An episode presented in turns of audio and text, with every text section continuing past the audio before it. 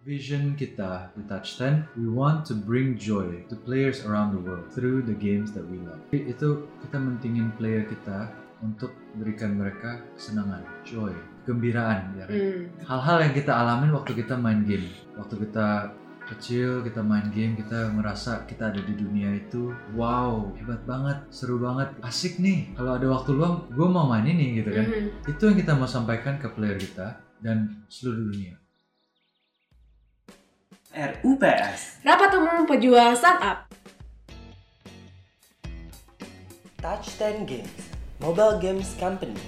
Perusahaan games besutan anak Indonesia dengan 40 juta lebih penikmat game aktif dari 40 negara di dunia.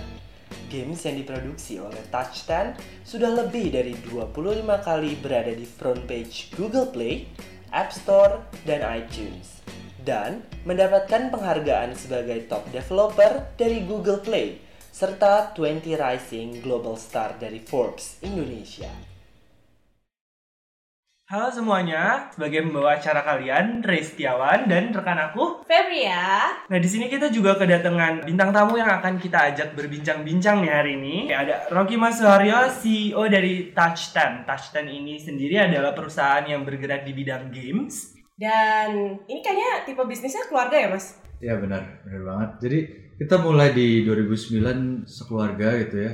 Waktu itu saya sendiri juga lagi final year untuk ngabisin kuliah. Terus kita ngelihat ini ada tren yang namanya iPhone gitu kan. Apaan sih ini iPhone? Waktu itu iPhone 2 eh, kita ngelihat marketnya lagi lagi booming banget dan di situ kita bikin mobile game pertama kita di tahun 2009 Oke jadi marketnya uh, iPhone ya pertama kali ya? ya betul Oke. Oke, jadi pertama kali ini dimulai itu di tahun 2009 ya. iya betul Produktivitasnya udah tinggi ya waktu Iya. masih kuliah. Saya kayaknya pas masih kuliah masih ngapain ya? Itu kayaknya masih main. Kayak masih main games. Main game kayaknya ya. Awalnya berarti ini dari hobi ya? iya iya Touch stand ini. Iya, jadi ya kita di Touch 10 kita dari foundersnya juga semua gila banget lah sama main game dari kecil. Kita mulai bertiga ya ada Anton, eh, kakak saya, sepupu saya Dede dan saya sendiri kita memang dari kecil kerjanya suka main game sih. Dari kecil juga punya impian lah untuk bikin game gitu. Nah itu jadi peluang yang eh, baik banget sih untuk kita bisa berkarya dalam bidang game. Jadi waktu kita mulai itu kita bikin satu game namanya Sushi Chain dan itu kita pilih karena ya kita demen makan satu. Kedua kita selalu nyari yang nggak ada di market sih. Selalu nyari gap yang nggak ada. Maksudnya kita nyari sesuatu yang underserved di market dan saat itu kita bikin sushi chain. Di tahun itu kalau orang searching sushi keywordnya di iPhone iTunes cuman ada game kita aja Nah itu menyebabkan kita bisa dapat initial group of user kita di game kita pertama itu. Berarti tipe game ini uh, tipe game yang dulu kalian mainkan saat kecil sampai terinspirasi bikin game lagi, bener nggak? Iya bisa dibilang kayak gitu. Tapi itu juga kita melakukan research. Jadi kita nyari-nyari di App Store. Kalau kita nyari keyword ini gimana hasilnya dan salah satunya kita nyari keyword sushi dan ternyata di situ belum ada gamenya. Cuman ada app bikin sushi gimana gitu. Di situ kita lihat oh kita ada peluang di sini. Nah baru kita bikin sushi chain game kita pertama. Oke, jadi sadarakan peluang itu sebenarnya penting banget ya untuk memulai sesuatu hal bahwa kayak oke ada peluang di sini yang bisa dikembangkan dan dipasarkan. Iya itu strategi yang penting sih. Mencari Eh, celah. mencari celah iya benar apalagi uh, mobile game market ini juga semakin hari lebih kompetitif ya itu lebih penting lagi untuk ke depannya pastinya Kalau namanya sendiri nih, kan namanya tadi katanya touch 10. touch 10 ya Eh, Touch 10. sentuh 10 nih. Maksudnya apa nih? Ada artinya nggak nih? Oh ya bener ya. sebenarnya bu- sebenarnya kita mau menyentuh langit Oh. langit. jadi 10 itu dalam bahasa Chinese atau Japanese tien ya itu mau kita mau menyentuh langit ya itu dari cita-cita kita sih untuk uh, membawa game kita ke semua orang jadi kita punya impian yang besar lah di sana Oke, menyentuh langit ya. Menyentuh Menyentuh langit. langit-langit aja saya nggak nyampe nih. Pendek soalnya. oke Dari awalnya didirikannya Touchline sendiri di tahun 2009 lalu itu sempat bilang juga masih kuliah ya. Itu tuh gimana cara manage waktunya antara berbisnis, Ya, Dengan belajar. priority-nya gimana tuh pada saat itu? kalau dari saya sendiri selalu fokus ke having fun sih. Beneran kayak bener-bener banyak waktu saya untuk di kuliah itu saya suka main bola ya kan Eh, dengerin musik sama teman-teman gitu kan dan percaya juga ya ada banyak value yang bisa dapat dari book smart tapi banyak juga yang dari dari street smart pastinya gitu loh. Jadi waktu kita mulai eh, game kita pertama itu ya sebenarnya kita memang karena passion banget dengan dengan game dan kita mau coba ini sesuatu yang baru ya mobile apps gitu apaan sih ini? Jadi karena kita niat di situ ya kita sempetin lah kita harus perjuangkan lah gitu pertama jadi sambilan kemudian menjelang kuliah itu di semester semester semester akhir saya eh, saya ngambil kelas tentang mobile apps entrepreneurship di situ saya belajar benar-benar hal-hal yang kepake di dunia nyata Uh. Iya kan Hmm, Menarik ya kayaknya Iya. kelasnya. Iya iya iya. Jadi kita belajar kayak product design gimana, engineering satu app itu programmingnya gimana. Terus selain itu juga mencerita tentang appnya dan me- me- menyari market dan mengkomunikasi produknya terhadap market pitching itu gimana. Mhm. Jadi itu multidisciplinary. Habis dari situ gue mau cepet-cepet lulus dan kayak oke bisa nggak gue lulus sekarang juga karena gue nggak mau buang waktu lagi gitu. Uh. Kayaknya kelasnya menarik banget ya. Menelurkan cara-cara entrepreneur baru. Iya. Nah kalau pas kuliah sendiri, kalian kan tadi bertiga. Eh, kalian bagi tugasnya sendiri tuh gimana tuh? Apakah semuanya coding atau ada yang kayak oke gue handle business sides-nya aja nih atau gimana? Jadi sangat terima kasih banget dengan mentor kita ya Pak Andi Budiman, uh, Pak Edward Camdani. Kita ketemuan dengan mereka dan beberapa beberapa kali mereka sharing tentang value-value di bisnis yang perlu dijaga gitu. Jadi kita dengan tahu itu kita bagi tugas. Dari situ kita tahu satu bisnis pasti perlu produk yang kuat, produk yang baik ya, bukan cuma baik tapi excellent Mhm. Kemudian produk itu kalau udah dibuat harus di marketing, di, dilakukan marketing yang yang kokoh, gitu kan. Dan juga operation dari produk itu harus jalan juga. Jadi kemudian semua itu perlu capital. Jadi empat value ini untuk teman-teman yang mau mulai satu bisnis bisa dipikirin. Nyari co-founder yang saling komplement antara empat ini yaitu produk, marketing, operation, sama capital atau dari sisi finance. Alangkah baiknya kalau foundernya tuh saling cover empat empat value ini. Jadi kalau dari kita ya kita kira-kira membagi tugasnya seperti itu. Tapi dari startup kan selain itu juga harus ngebersihin kantor, buang sampah sendiri ya pastilah. Kebetulannya kan foundernya sendiri ini semuanya keluarga lah ya. Pernah ada untung atau ruginya nggak sih kerja sama keluarga sendiri? Atau kalau misalnya lagi berselisih paham tuh sama keluarga sendiri, gimana cara mensiasatinya supaya tetap baik-baik aja kalau udah sampai rumah gitu? Sangat beruntung sih bekerja dengan keluarga karena kalau lagi ribut kita bisa cari orang tua ya kan bisa Mediator lah ya. Iya.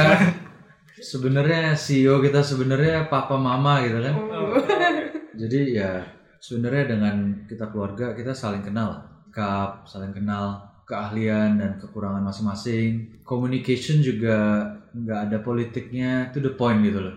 Lebih paham personalitinya juga kan ya? Iya pastinya, personality kita match gitu kan. Dan sekali lagi ya communication nggak ada yang abu-abu lah. Hmm. Apa yang kita mau sampaikan kita sampaikan. Jadi lebih open malah ya Ya lebih kalau open. karena keluarga. Tadi di mention juga papa dan mamanya tuh sebenarnya CEO-nya yang sangat memberikan banyak kontribusi di dalamnya kayaknya ya. CEO sebenarnya gitu. CEO sebenarnya. Ada nggak yang diingat dukungan apa sih yang paling besar dari orang tuanya sendiri itu yang diberikan? Yang paling mengena. yang paling ngena sampai sekarang tuh bener-bener kayak oh ya orang tua gue ngomong gini nih. Iya, iya. Selain ngomong juga dari sikap sih. Jadi Oke. kalau dari mama saya sendiri namanya Peggy Puger, dia juga seorang businesswoman ya kan. Dia juga seorang banker sebelumnya dan di dunia banking yang zaman dulu kan nggak banyak juga seorang perempuan yang menjadi leadership position. Jadi di situ saya belajar tentang leadership, belajar tentang kegigihan itu ada value-nya yang besar gitu. Kalau dari ayah saya juga dia sebelumnya seorang businessman, pastinya belajar banyak dari dia tentang yes kita harus bisa nyari nyari uang tapi juga kita harus jujur kita harus memberikan value yang baik customer kita jadi dengan itu ya saya berterima kasih banget dengan mereka karena satu hal itu dari modal awal kita juga dimulai dari mereka karena satu hal ya dari sisi financial di awal Mhm. uh, modal kita memang benar-benar dari orang tua juga. Berarti support awal uh, capital lah Ya. istilahnya berarti dari orang tua ya. Jadi game kita yang pertama Sushishin tadi itu bisa jadi karena kita dapat seed funding. Oke. Oke. Investornya papa dan mama.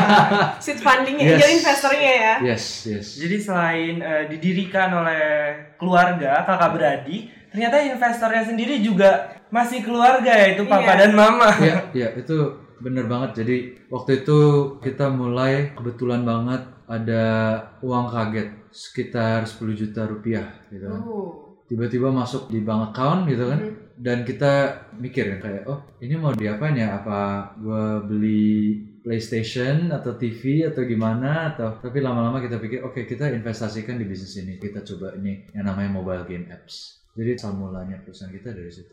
Uang kaget. Berharap banget sih kalau misalnya orang tua gue tuh bisa ngasih uang kaget juga gitu tiba-tiba. ya walaupun kemungkinan besar sih jadinya bukan bisnis kalau uang kagetnya ada di Lo gue ya. shopping ya? Kalau lo ya kayaknya. Kayaknya beli koin di games kalau gue. Oh, Oke, gamers juga ya bapak ya. Sekarang ini kan udah menjabat menjadi CEO dari Touch 10 ya, menggantikan kakaknya. Nah, di bawah kepemimpinan lo sendiri ini ada hal yang spesifik yang berubah nggak sih dari Touch 10? Jadi kita sangat berterima kasih banyak ya kakak saya Anton Sohario. Kalau nggak ada dia kita nggak bisa ada di sini dan ini perusahaan yang kita bangun bareng-bareng itu satu hal yang nggak pernah bisa berubah lah gitu kan.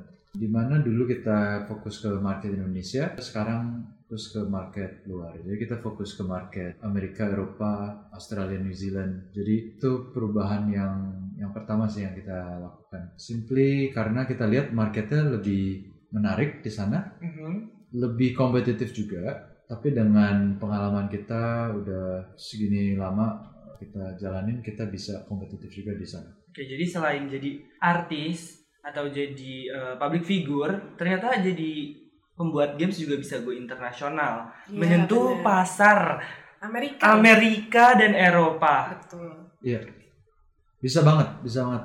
Modalnya nekat, Iya. ya? Modal mereka. modalnya laptop, buka akun App Store, buka akun Google Play, iTunes. Kalau dimulai bisa even kalau kita nggak punya pengalaman programming atau gimana bisa di outsource. Ya harus harus mulai dari punya tekad itu sih.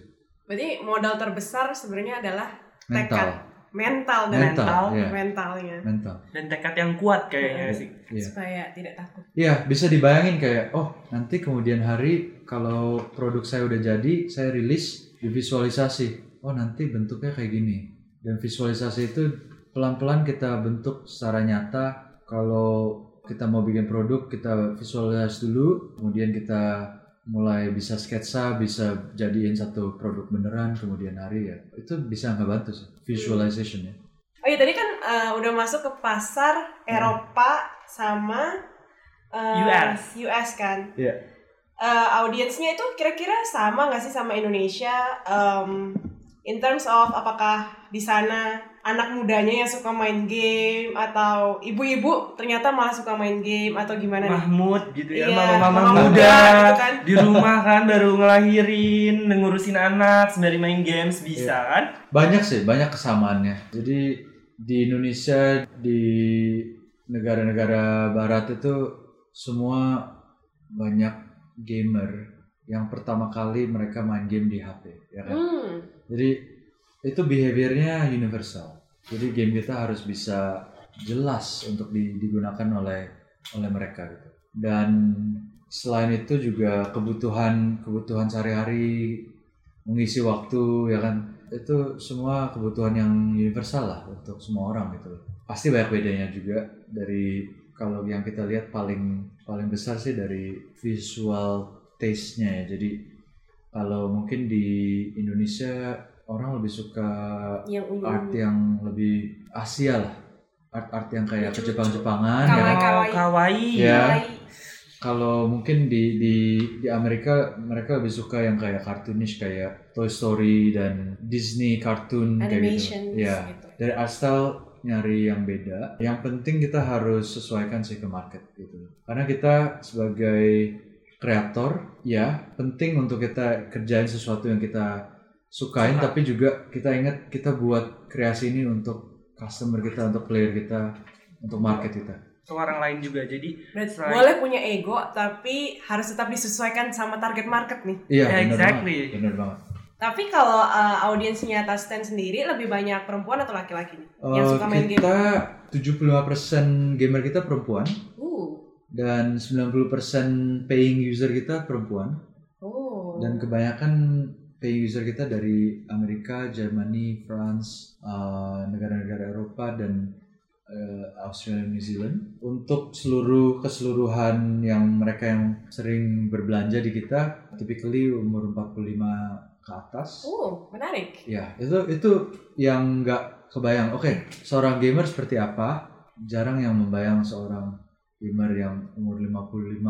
Iya, yang dibayangkan Hmm, saya sih tadi ya. kayak generasi millennials gitu yang kayak Masih- nggak bisa lepas sama HP gitu kan. Nah, Ya, Tapi ternyata umur 40 50 ya. Mm. Audiens kira umur sendiri. 40 50 udah lebih financial independent terus mereka Bisa juga jadi. punya banyak waktu luang kali ya. ya Jadi- benar banget. Dan itu dat- datanya menunjukkan itu juga. Jadi lebih banyak perempuan di, di yang yang seperti kita describe ini, mereka punya banyak waktu luang. Mereka device-nya lebih canggih juga. Jadi Hmm. as a as a whole women gamers atau women actually in general punya iPhone lebih banyak daripada laki-laki Oh. dan itu itu gue ngalamin sendiri karena setiap kali istri gue beli device gue yang beliin jadi gue harus beliin yang terbaik Oh. Oke, jadi itu adalah sebuah keuntungan sebenarnya menjadi wanita. Jadi ternyata wanita nggak cuma belanja make up, nggak cuma belanja skincare, tapi belanja games juga ternyata ada. Ada. Nah kalau misalnya ngomongin industri game sendiri, gimana nih menurut Mas Rocky? Ada perubahan nggak dari awal terjun di dunia games ini sampai dengan sekarang tuh perubahannya seperti apa? Apakah ada, Peningkatan ada peningkatan signifikankah atau kayak malah cenderung turun? Atau gimana nih? peningkatan banget sih. Untuk industri game berkembang pesat ya sekarang. Tuh kita mulai di 2009 sampai sekarang marketnya berubah banyak. Jadi yang paling kelihatan tuh ketika kita download game sekarang semuanya gratis. Sedangkan kalau dulu ada light, ada paid gitu. kan. Pasti itu perbedaan bisnis model Hmm. dari premium ke freemium uh, games. Dan semakin ke sini semakin kompetitif, semakin mature marketnya. Lebih banyak peluang, tapi lebih banyak competition juga. Di situ kita harus bisa kompetitif. Dan di kita, kita make sure competitiveness di Touch 10 itu datang dari produk, inovasi produk itu penting sekali. Tim kita sangat gesit dan data driven, menggunakan data untuk mengulik dan mencari benar-benar uh, produk yang terbaik untuk player kita dan inovasi di marketing juga. Jadi itu penting sih untuk untuk masuk ke industri game. Nah tadi kan disebutin tuh ada apps yang freemium sama premium kan.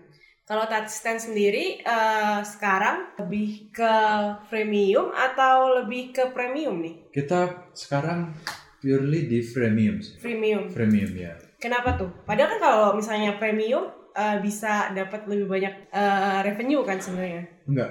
Oh malah Sebenarnya- enggak? Enggak. Jadi kalau dilihat marketnya sebenarnya lebih besar di premium. Oh.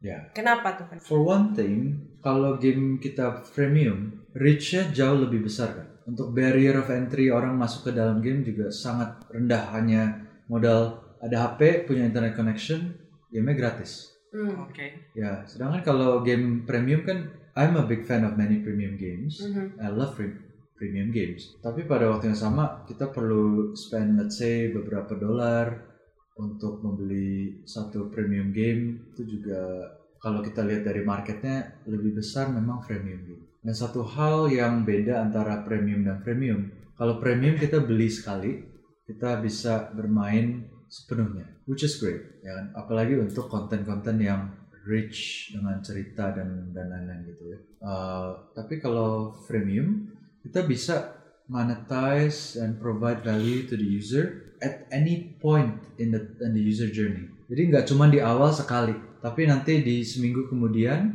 sebulan kemudian, setahun kemudian, dan tahun-tahun berikutnya kita masih ada kesempatan untuk monetize dan engage user itu. Jadi bedanya antara itu di situ sih.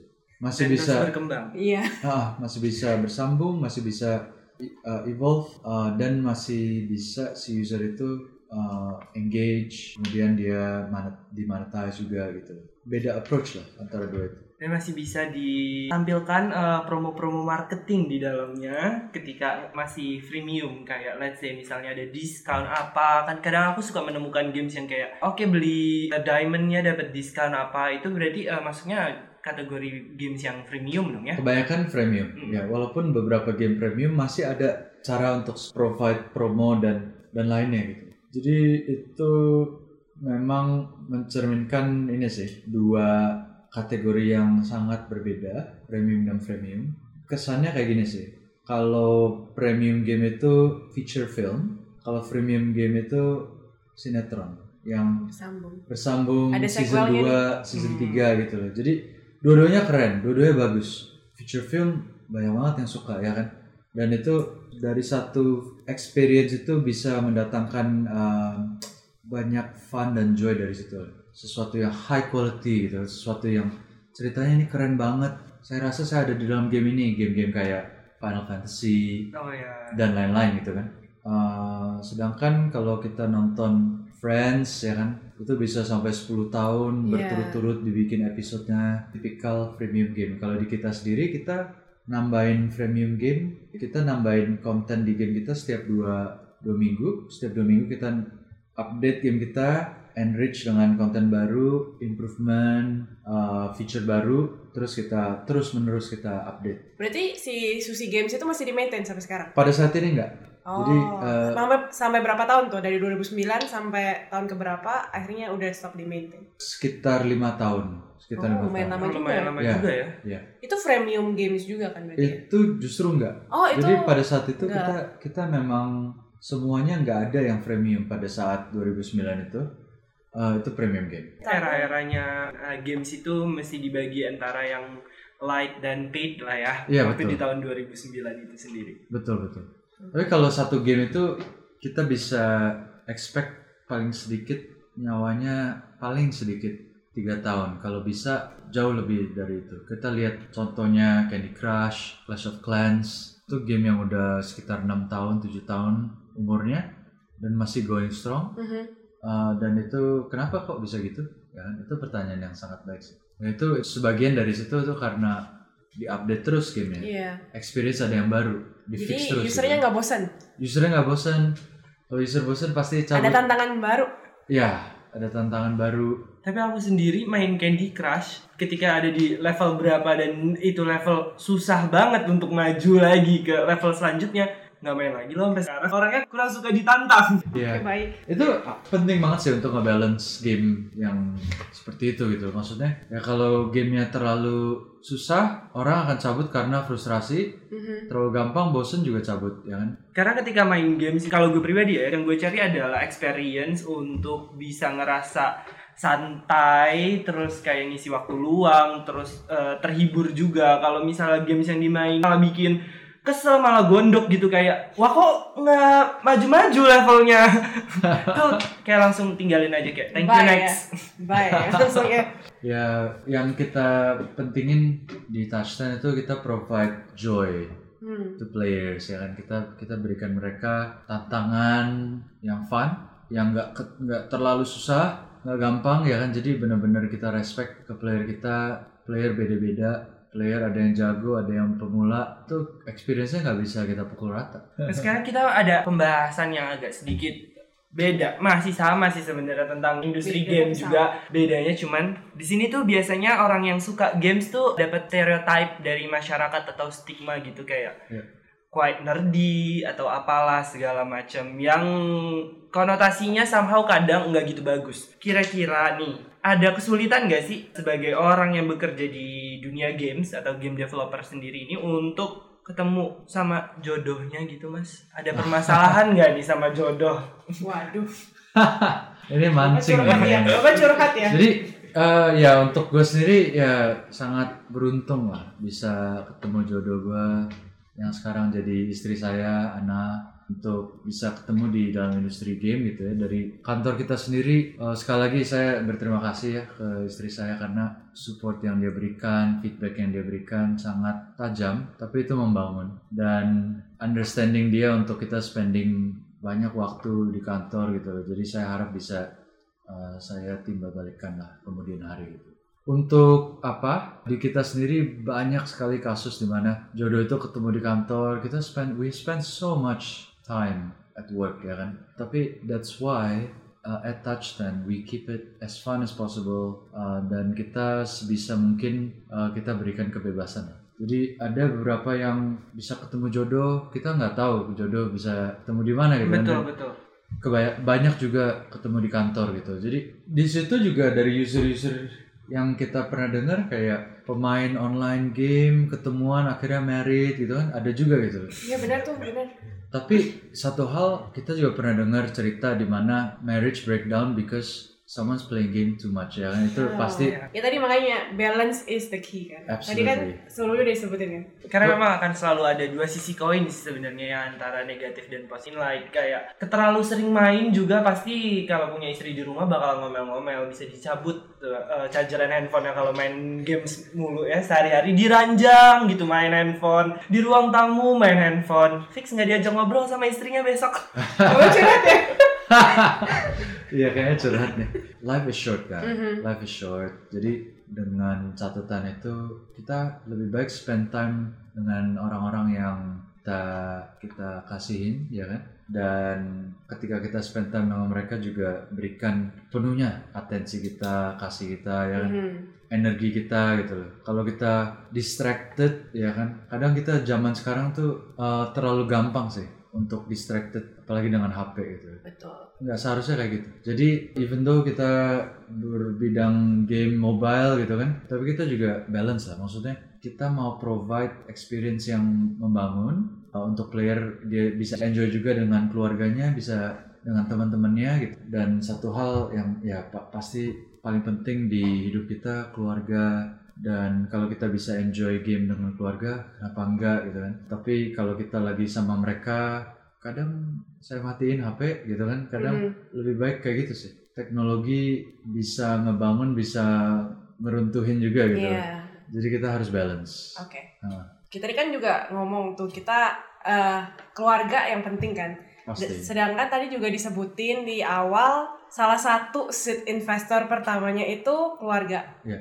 Betul kan? Eh, dari papa, papa dan mama. Eh, kita pengen tanya nih ke sebenarnya Touchstand sendiri ini udah sampai investmentnya gimana sih? Apakah karena market pasarnya di luar, eh, jadi lebih banyak punya investor dari luar negeri atau malah jauh lebih banyak investor Indonesia nih yang tertarik sama game? wow kita kayak perlu non disclosure agreement dulu nih ya Oh, Enggak lah, enggak lah. Jadi kita sangat beruntung, berterima kasih ya untuk bisa didukung beberapa investor dari perusahaan game. Uh, di kita ada beberapa dari financial industry juga ada ada ya karena berkat kerjasama tim kita yang yang kuat yang kita bisa bangun produk yang baik tim yang berpengalaman proses kita yang terjaga dengan baik lah untuk Mhm. membangun satu produk dan sasaran ke market yang tepat gitu Oke, back then in 10 years. Kan tadi kita uh, pernah sebut kalau misalnya 10 tahun yang lalu, scene startup tuh nggak seperti sekarang nih. Yang kayak akses kapitalnya udah lebih lancar, terus mulai di-support, segala macam kan. Nah, Karoki sendiri, Karo. Karoki sendiri punya pengalaman nggak uh, in the past 10 years? It's almost 10 years, right? Iya. The company. Uh, pernah ngerasain penolakan nggak sih? penolakan Iya, penolakan. Ya pasti ketemu rejection ketemu investor gitu kan. ya Pernah ngerasain nggak tuh kayak pengalaman ditolak? Soalnya tadi ceritainnya Nggak kan yang, in- yang indah-indah terus kan. kayak Eh, terlalu manis Iya, ya untuk terlalu bisa manis. dipercaya gitu banyak sekali lah pastilah dan itu penolakan dan ketidakpercayaan itu datang bukan cuma dari investor, dari partner, ya kan, dari team member. Pasti kadang mereka juga menemukan peluang yang lebih dari apa yang kita bisa provide, ya kan. Jadi kalau cara berpikir saya sih kita selalu harus communicate, bercerita, pitching, nggak cuma ke investor dan ke semua tadi, ke partner kita, ke employee kita, ke istri saya, ya kan. Saya harus yakinin ini cara kita berpikir untuk berkembangnya gimana. Strategi kita seperti ini karena bla bla bla. What do you think? Ya kan? Kita dengar feedbacknya. Nggak semua feedback kita harus implement juga, Mhm. tapi paling tidak kita dengerin, kita assess. Some of the best advice can come from people you don't expect. Ya? Mhm. kita gunakan itu untuk untuk belajar, untuk belajar, untuk memperbaiki diri. Jadi sama kayak cara kita bikin game ya kan, beriterasi, berinovasi diri kita sendiri gitu. Karena apa yang bekerja sekarang kemudian hari mungkin harus berubah ya kan. Mhm. Ya, jadi kira-kira seperti itu sih. Ke semua aspek itu kita harus cari feedback. Jadi fokusnya bukan untuk fokusnya bukan ke rejection, tapi kenapa? Rejectnya karena apa? The reason behind it. the reason behind it. Dan coba kita posisikan kalau kita jadi mereka gitu loh. Kita ngelihat ada peluang ini untuk ngikut untuk be a part of something that you're building gitu kan. Terus kita decide ah enggak ini kayaknya mendingan gua peluang yang lain deh gitu. Why is that? Ya kita bisa nanya langsung kita bisa coba consider dan itu penting sih. Jadi bukan cuman oke kita ditolak tapi Baper gitu. Enggak kan mas? as a startup founder, of course it's personal kan ya. Mhm. It's, it's your thing, Mhm. it's your life. What you're building here, this is your life ya. Oftentimes kalau di reject pasti baper, pasti Iya. personal gitu kan. Hah, lo nggak mengerti apa yang kita lagi kan jadi Sesuatu yang besar. Sesuatu yang ya kan. besar. Tapi we have to look beyond that. And we have to really understand sebenarnya kenapa it's a no. Atau kadang it's a not right now. Nah itu beda tuh antara dua itu kan. Uh, dan itu selalu kita mentingin cari feedbacknya itu. Jadi kalau teman-teman punya startup mau pitching ke investor, akhirnya mereka bilang, oh sorry kita nggak jadi ikutan, nggak apa-apa. Tapi Cari nggak alasannya. boleh, iya nggak boleh cuman kayak, oh ya Oh, udah yaudah. kita cari yang lain. Nggak. Tapi sebelum itu tanya lagi, oke. What do you uh, think we can improve? Yes, kenapa sih? What made you arrive to that Mhm. decision? Mhm. Dan kita sebagai jadi investor, jadi retail investor atau institutional investor in general, alangkah baiknya bisa transparan tentang itu, belak-belakan gitu. Ini kita kita nggak mau karena uh, reason A dan B gitu. Dan itu itu jadi feedback yang baik sih untuk semua gitu. Tapi pernah ada pengalaman penolakan apa sih yang kayak paling ngena oke tapi kayak oke I think I need to Yang diingat-ingat. yang paling diingat terus yang kayak pengen Jangan ingat orangnya tapi mas.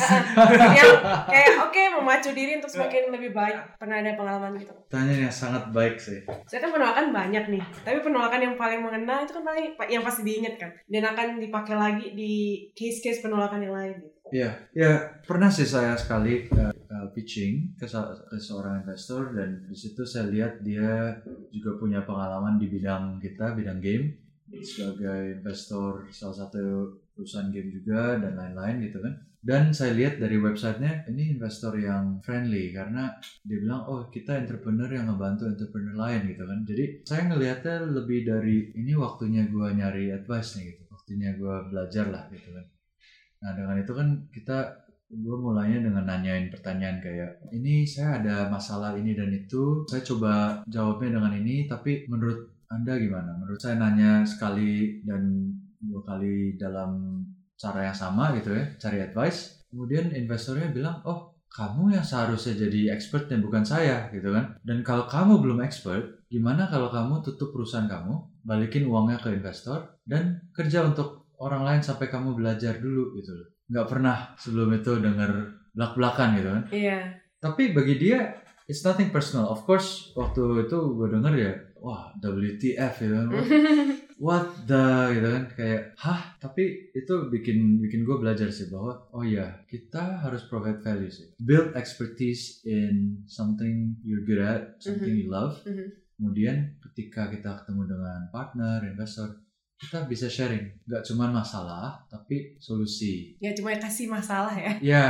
Cuma datang bawa, cari-cari masalah. Ya, ya aduh tolong gitu. ya benar dan kita apa yang saya bisa tolong ya kan Yep. dan itu apply bukan cuman ke investor tapi teman kita, keluarga kita, team member kita, partner kita dan lain-lain gitu. kan. Mhm. We want to give value, nggak melulu take take take take gitu kan. Jangan. Saya perlu nih, saya mau, saya saya perlu bantuan gitu kan. Sama kayak teman-teman misalnya yang lagi pitching ke investor gitu kan. Follow up ya kan udah Iya. pitching seminggu kemudian masih belum ada kabar ini kenapa gitu kan. Kita bisa aja nanyain kayak eh gimana jadi invest nggak gitu kan Mhm. bisa tapi alangkah baiknya selain itu kita juga bilang oh by the way eh, saya ada kabar dari ini nih dari eh, bisnis kita kita ada update kayak gini loh kita ada beberapa insight nih baru ada Research market misalnya. yes kita tahu hal ini kita bisa sharing atau even kayak gini. Dari investor punya partners dan portfolio company mereka dan kita pikirin gimana saya bisa provide value ke mereka dan nawarin gitu. Dan nunjukin oh yang kita bangun ini bisa membawa value. Jadi bisa win-win solutions. ya nggak melulu kayak eh gimana nih? Jadi nggak? Gitu kan. Hmm. gimana? Kok belum ada respons? Perlu apa lagi? Gitu kan. Enggak tapi oh ya by the way this is what I can provide and I want to help you to be successful gitu. It's a two way street ya pasti kan? Iya. ya ngajak investor makan juga nggak selalu. Ya kita ka- kadang patungan kadang kita yang bayar kadang dia yang bayar gitu kan. Jadi itu prinsip gua sih kalau yang gue pikirin Oke, tadi setelah penolakan nih. Sekarang justru achievement dan pengakuan publik akan Touchstand sendiri Kesuksesannya Touchstand kesuksesan. Touchstand yang sudah diakui udah pasti kan lah pasti ya udah sampai ke luar negeri pasti diakui banyak orang Udah gue internasional. tapi definisi sukses buat Mas Rocky ini tuh apa sih sebenarnya vision kita, vision di perusahaan kita di Touch 10, we want to bring joy to players around the world through the games that we love. Jadi itu kita mentingin player kita untuk berikan mereka kesenangan, joy, kegembiraan ya kan. Hmm. Hal-hal yang kita alamin waktu kita main game. Pertama Iya. kali waktu kita kecil kita main game kita merasa kita ada di dunia itu kita terwow ini hebat banget seru banget gitu kan asik nih kalau ada waktu luang gue mau main ini gitu kan Mhm. itu yang kita mau sampaikan ke player kita dan seluruh dunia dan definisi player kan berubah-ubah gitu kan. Dan itu kita harus selalu berinovasi untuk mengadap mengadap ke sana. Tapi itu nggak cukup kalau tim kita sendiri nggak percaya dengan projectnya. Tim kita sendiri quote unquote terpaksa untuk bikin satu project yang mereka nggak suka gitu. Dari tim kita sendiri kita harus we have to love the game. That's how we can get a high quality lovable product. Uh, kalau kita sendiri suka sama game jadi itu itu definisi sukses untuk gue Oke. But uh, for you as a CEO of Touchstand, it uh, itu definisi suksesnya kan? Iya. Kalau in your personal, what is your definition of suc- success?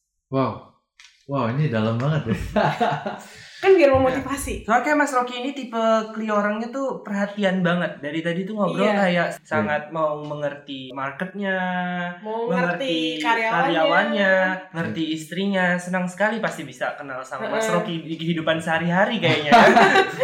ya lo harus nanyain mereka lah untuk itu Um, untuk gue sendiri itu jadi pertanyaan yang sangat dalam ya ya sebenarnya simple sih sebenarnya gue mau bantu orang ya kan. Gue gue mau bantu diri gue sendiri juga ya kan untuk bisa memenuhi kehidupan yang baik lah yang lebih baik. Jadi lebih aware dengan cara cara kita ya sekitar kita gitu kan. Cara hidup kita ya kan. Lingkungan kita lebih peka lah dengan keluarga kita dan itu yang saya sendiri pentingkan sih jadi waktu kita di kehidupan ini kan terbatas ya kan jadi alangkah baiknya kalau waktu yang kita ada di sini tuh kita ada positif influence jadi masa depan yang akan datang ini ketika kita ninggalin tempat ini bisa lebih baik bisa gitu. lebih baik. Ya. Jadi akan ada value tersendiri ya yang ditinggalkan oleh Mas Rocky untuk kehidupan ke depannya. Sama-sama Ya. sama-sama Itu kita semua mungkin lah ya. Iya. iya iya Nah ini dulu sampai ke pertanyaan terakhir. Ini Ah. adalah pertanyaan yang akan gue tanyain ke semua tamu-tamu yang hadir di eh, podcast ini. Dari persentase 100% mas. Hmm. Kira-kira dari yang udah di-achieve oleh Touchstand sendiri. itu merupakan faktor luck atau bukan? Hampir 0% itu luck. Jadi gue percaya luck itu dibangun sih. Oke. dengan cara kita ber- bekerja dengan giat, dengan ber- berpikir dengan berencana dengan baik gitu. Jadi luck itu dari kecil kita bangun, kita stack up our odds dengan cara itu, dengan cara kita bekerja keras, uh, dengan cara kita berpikir dengan matang ketika kita melakukan sesuatu, dengan kita fokus, pelan-pelan itu luck bisa di sisi kita. Oke, jadi keberuntungan itu jangan cuma ditunggu ya, tapi juga direncanakan dan dijemput. Mungkin lebih tepatnya kayak gitu kali ya. Betul. Dikejar. Betul. Dikejar. Dikejar, benar. Oke, thank you Mas Rocky udah main-main ke podcast kita hari Iya. ini. Senang banget bisa kenalan langsung sama CEO dari Touchten yang ternyata sangat peduli dengan banyak orang dan sekitarnya. Sangat positif, sangat inspirasi, inspiratif. Sampai mau salah ngomong kan? Nah untuk project terakhir dari Touchten sendiri ini yang paling baru, yang paling anyar nih yang akan dipersiapkan untuk marketnya apa nih?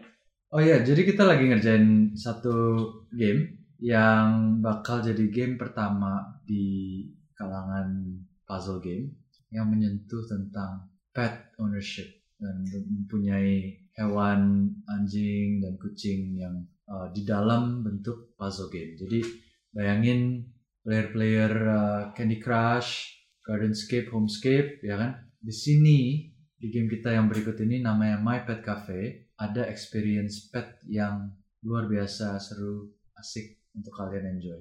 Itu yang seluruh tim kita lagi kerja keras untuk sukseskan My Pet Cafe akan siap dirilis di quarter one tahun depan 2020. Oke, buat yang penasaran siap-siap tunggu aja di quarter 1 tahun, Tahun depan. depannya. Oke, thank you Mas sudah main-main ke sini. Thank you banget, udah sharing. banget. Dan untuk semuanya jangan lupa untuk saksikan episode selanjutnya dari acara podcast ini. Semoga bisa menginspirasi kalian semua. Gue Ray Setiawan, Gue Febria. pamit. Dadah.